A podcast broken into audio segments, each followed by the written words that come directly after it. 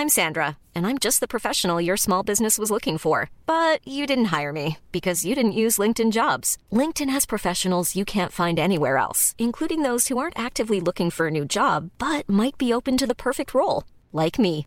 In a given month, over 70% of LinkedIn users don't visit other leading job sites. So if you're not looking on LinkedIn, you'll miss out on great candidates like Sandra. Start hiring professionals like a professional. Post your free job on linkedin.com/people today. A lot can happen in the next three years. Like a chatbot may be your new best friend. But what won't change? Needing health insurance. United Healthcare Tri Term Medical Plans are available for these changing times. Underwritten by Golden Rule Insurance Company, they offer budget friendly, flexible coverage for people who are in between jobs or missed open enrollment. The plans last nearly three years in some states, with access to a nationwide network of doctors and hospitals. So, for whatever tomorrow brings, United Healthcare Tri Term Medical Plans may be for you. Learn more at uh1.com.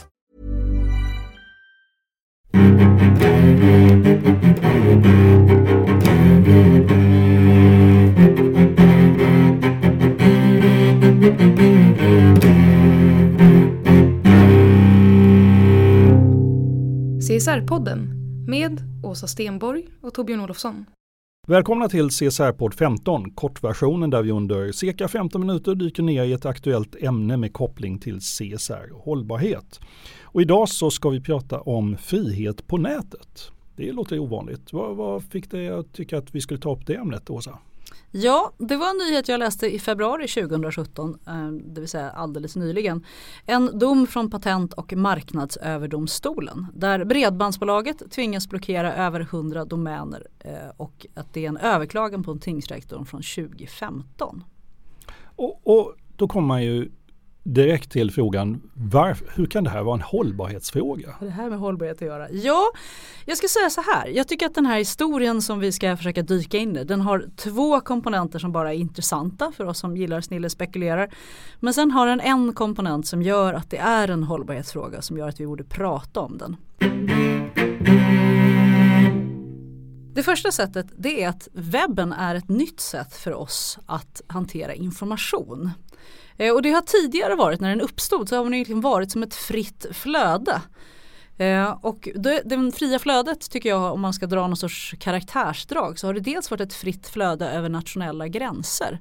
Webben är ju liksom global och det men, men har alltså, vi inte haft tidigare. Men Åsa, ja. webben är ju inte ny nu direkt. Nej, nej, nej. Det, nej, nej, det är ju liksom några decennier sedan. Ja, absolut. Men ja. vi måste väl ändå se det som att vi håller på att lära oss. Och jag ser, mm. jag ser det här som en tendens till att vi måste anpassa oss till den här nya fenomenet. Och nu jämför jag med, vad jämför jag med det? Jag jämför med klassisk media eller brev eller telefonsignal. Ja, hur, vi tidigare, ja, hur vi tidigare hanterade information. Mm. Så dels har vi ett internationellt flöde som vi inte haft förut överhuvudtaget och sen kan alla publicera. Så vi har ett helt nytt landskap att förhålla oss till. Ja. Det är den ena bakgrundsfaktat. Och sen så är det så att den här nya tekniken, det här nya flödet, det är ju liksom nya möjligheter till illegala handlingar också. Det var ju mindre bra. Ja det är ju mindre bra kan man säga. Eh, men det är också intressant därför att vad vi ser det är ju att den här domen den handlar såklart om att hindra Pirate Bay från att sprida illegal nedladdning av upphovsskyddat material. Så de som stämmer eller de som kräver att bredbandsbolaget ska blockera det är ju de stora ägarna. Det vill säga Universal Music, Sony Music, Werner, Music, Nordisk Film och SF och en hel rad andra, Så stora kommersiella aktörer. Eh, och båda de här sakerna, nytt, nytt sätt att dela information och att det är ny teknik ger nya möjligheter till illegal handling. Det är ju mer snillen spekulerar egentligen. Det bredbandsbolaget sätter fingret på det är att kommersiella aktörer ska tvinga en distributör att blockera.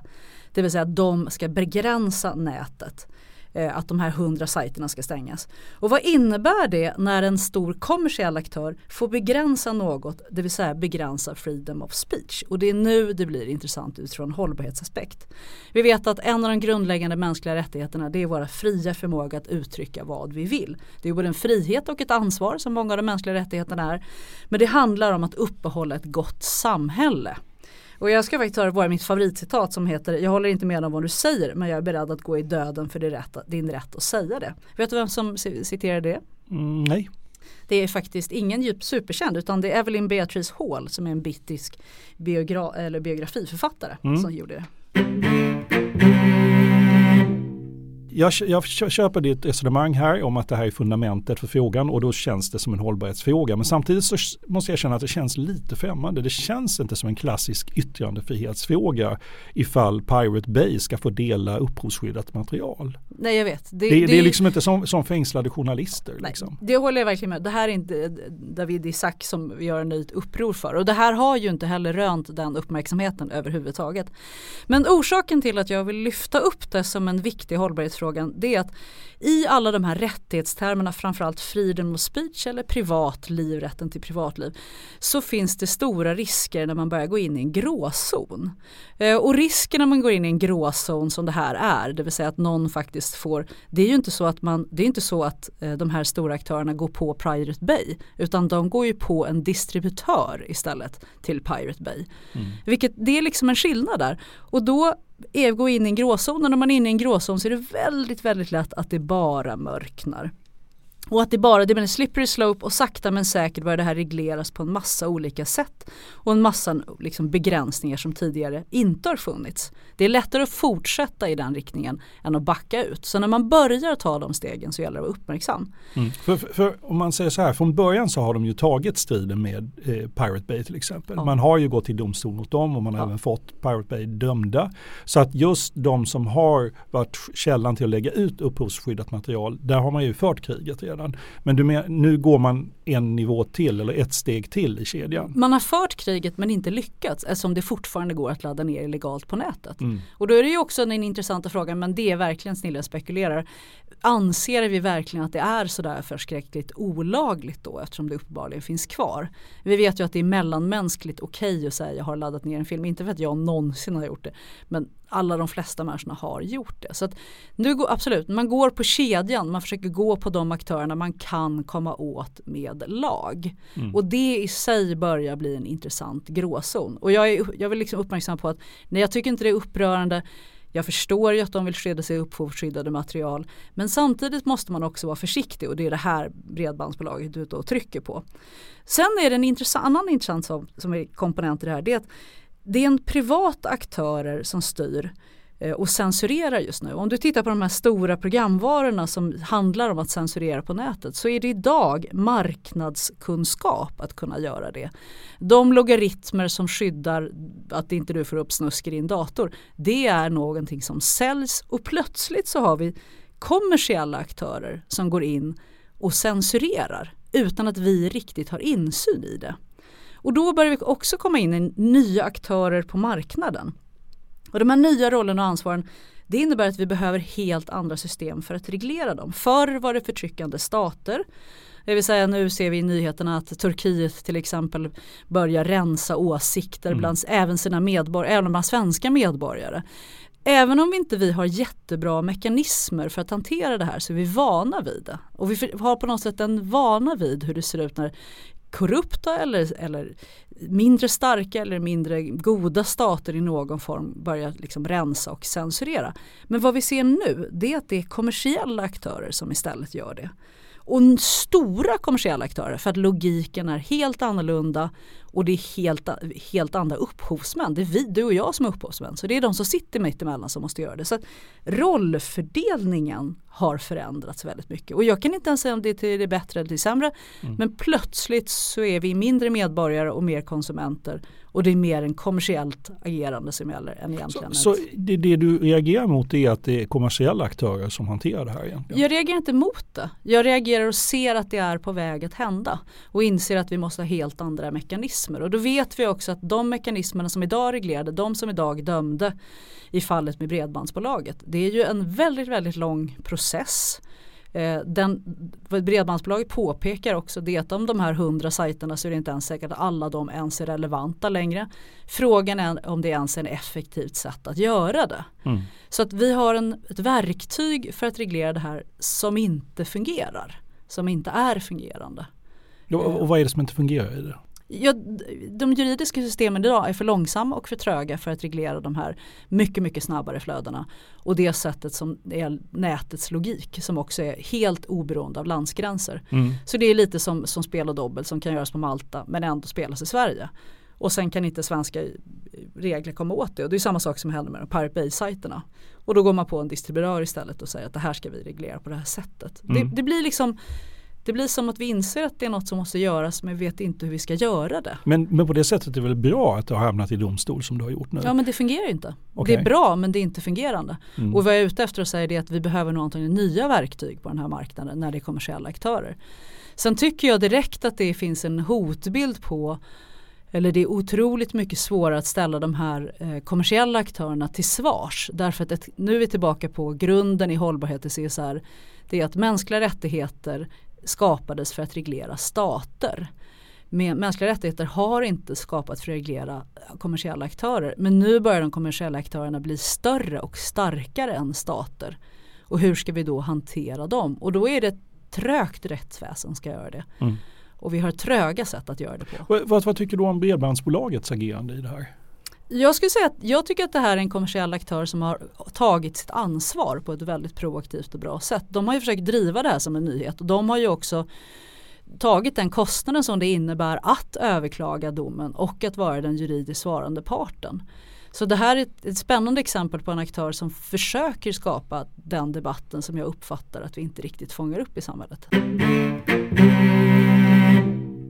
jag har ju läst om den här domen men jag måste erkänna att jag har inte sett någon debatt omkring det här. Jag, finns det en debatt om det? Händer det saker omkring det här? Ja, det händer en del saker när vi tittar på förlängningen av om vi ska vända den freedom of speech också till nästa steg och säga det är också i och med att freedom of speech handlar ju om vad vi kan uttrycka på nätet men sen motsidan på det det är också hur privata får vara på nätet. För på samma sätt som jag konsumerar så publicerar jag på nätet.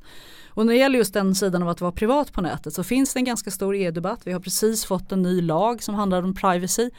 Det finns bland annat inuti den rätten att vara the right to be forgotten, vilket jag tycker är en sån fin formulering. Mm. eh, kan, vi, kan vi inte prata om det oftare, om rätten att vara bortglömd? Ja, det, å andra sidan känns det som ett stort problem att, att man inte kan bli bortglömd. Det är väl snarare tvärtom, eller? Det, det, håller inte jag med på. Vi vet in på nätet idag, alla vi som någon gång har haft en avliden släkting eller avliden kompis ja, vet okay. att de lever så, ja. fortfarande på mm. nätet. Och det gäller ju även jag, om jag gör någonting i min historia som jag publicerar som inte jag längre mm. är lika stolt över. Det här poddinslaget till exempel. Till exempel, men vi utgår mm. från att vi kanske, du och jag har kanske levt med nätet i ganska mogen ålder men mm. vi utgår från att vi kanske är 12 eller 13 eller 14 så gör vi ganska kraftiga dumheter. Mm. Och det vill inte vi ha kvar längre när vi ska bli anställda när vi är 25. Men allting finns kvar på nätet. Vad får jag egentligen censurera om mig själv? Det är en grymt relevant fråga för väldigt, väldigt många. Mm.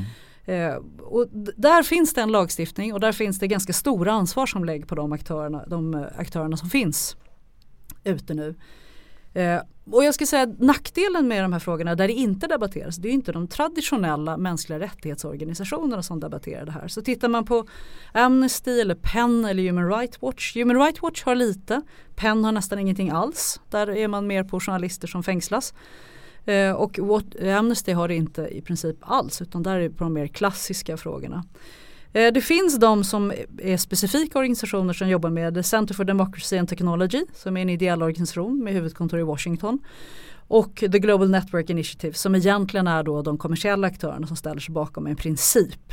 Och det är Google, Yahoo, Microsoft och andra organisationer. De står bakom det initiativet? De står bakom initiativet och de skriver på en princip kring hur man ska hantera där, I den styrelsen sitter faktiskt en representant för Svenska kyrkan också. Mm. Så där finns debatten. Mm. Men det finns inte i den dignitet tycker jag i svensk media kring de här frågorna. Och det är kanske för att det blir för abstrakt, det blir lite för långt bort och så blir den här stora diskussionen kring ja men det drabbar ändå inte mig så mycket. Jag har så mycket rent mjöl i påsen eller det gör väl ingenting om de tittar Äver, för det är väl ändå bara så att svenska staten eller de som tittar är så snälla så det, ska, det spelar väl ingen roll. Vilket jag tycker är en naiv ställningstagande mm. i ett samhälle där vi ser faktiskt ganska mycket mörka krafter som tar över i världen också. Mm. Men ligger den här frågan verkligen hos hållbarhetschefen? Jag är där och fingrar igen. Ja, jag skulle... Är det en hållbarhetschef? Alltså jag menar, jag kan tänka mig att om det är hos de här IT-bolagen så kanske det, då bör det vara en naturlig fråga för alla i chefsposition att diskutera den här mm. frågan. Men eh, en hållbarhetschef som inte är på ett IT-bolag, är det här en fråga som berör honom eller henne. Jag tror, är du inte på ett IT-bolag så berör det nog inte dig. Men är du på ett IT-bolag så berör det absolut dig. Mm. Utan tvekan och jag tror det skulle beröra hållbarhetsbranschen otroligt mycket mer.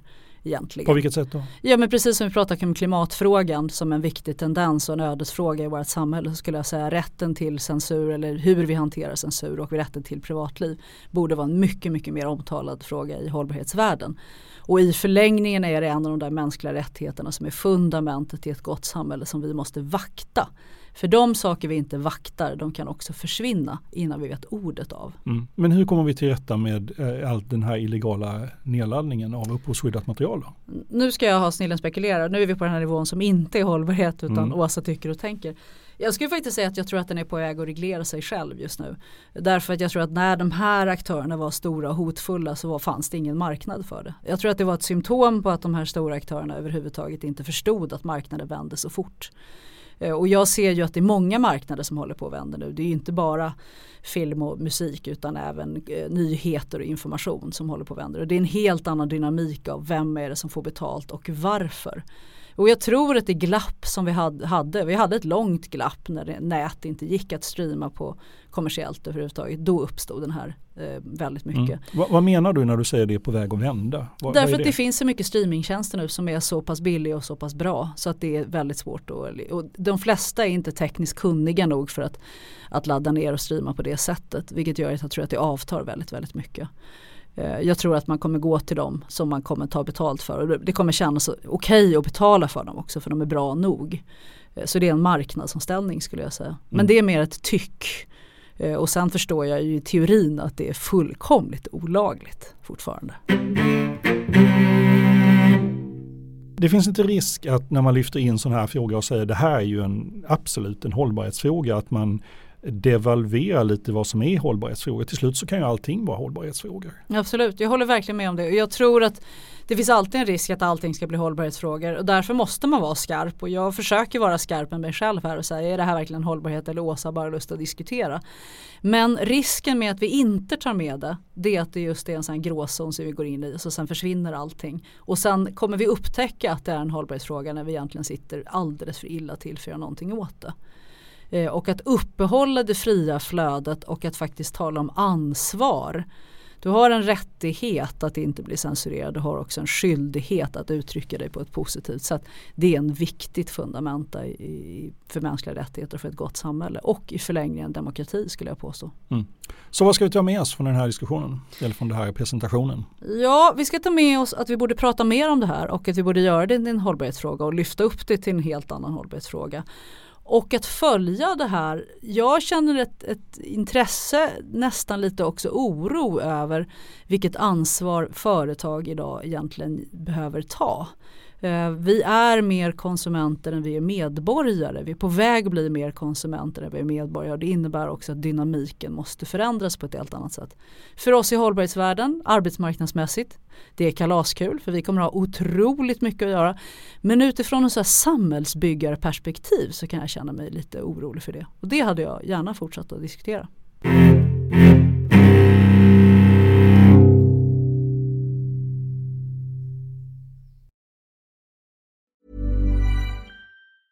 Hey, it's Danny Pellegrino from Everything Iconic. Ready to upgrade your style game without blowing your budget? Check out Quince. They've got all the good stuff shirts and polos, activewear, and fine leather goods, all at 50 to 80% less than other high end brands. And the best part? They're all about safe, ethical, and responsible manufacturing.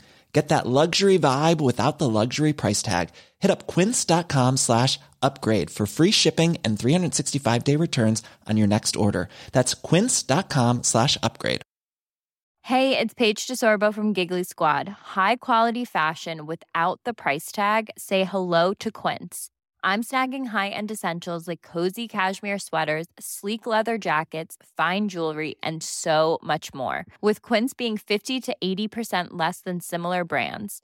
And they partner with factories that prioritize safe ethical and responsible manufacturing. I love that. Luxury quality within reach. Go to quince.com slash style to get free shipping and 365 day returns on your next order. Quince.com slash style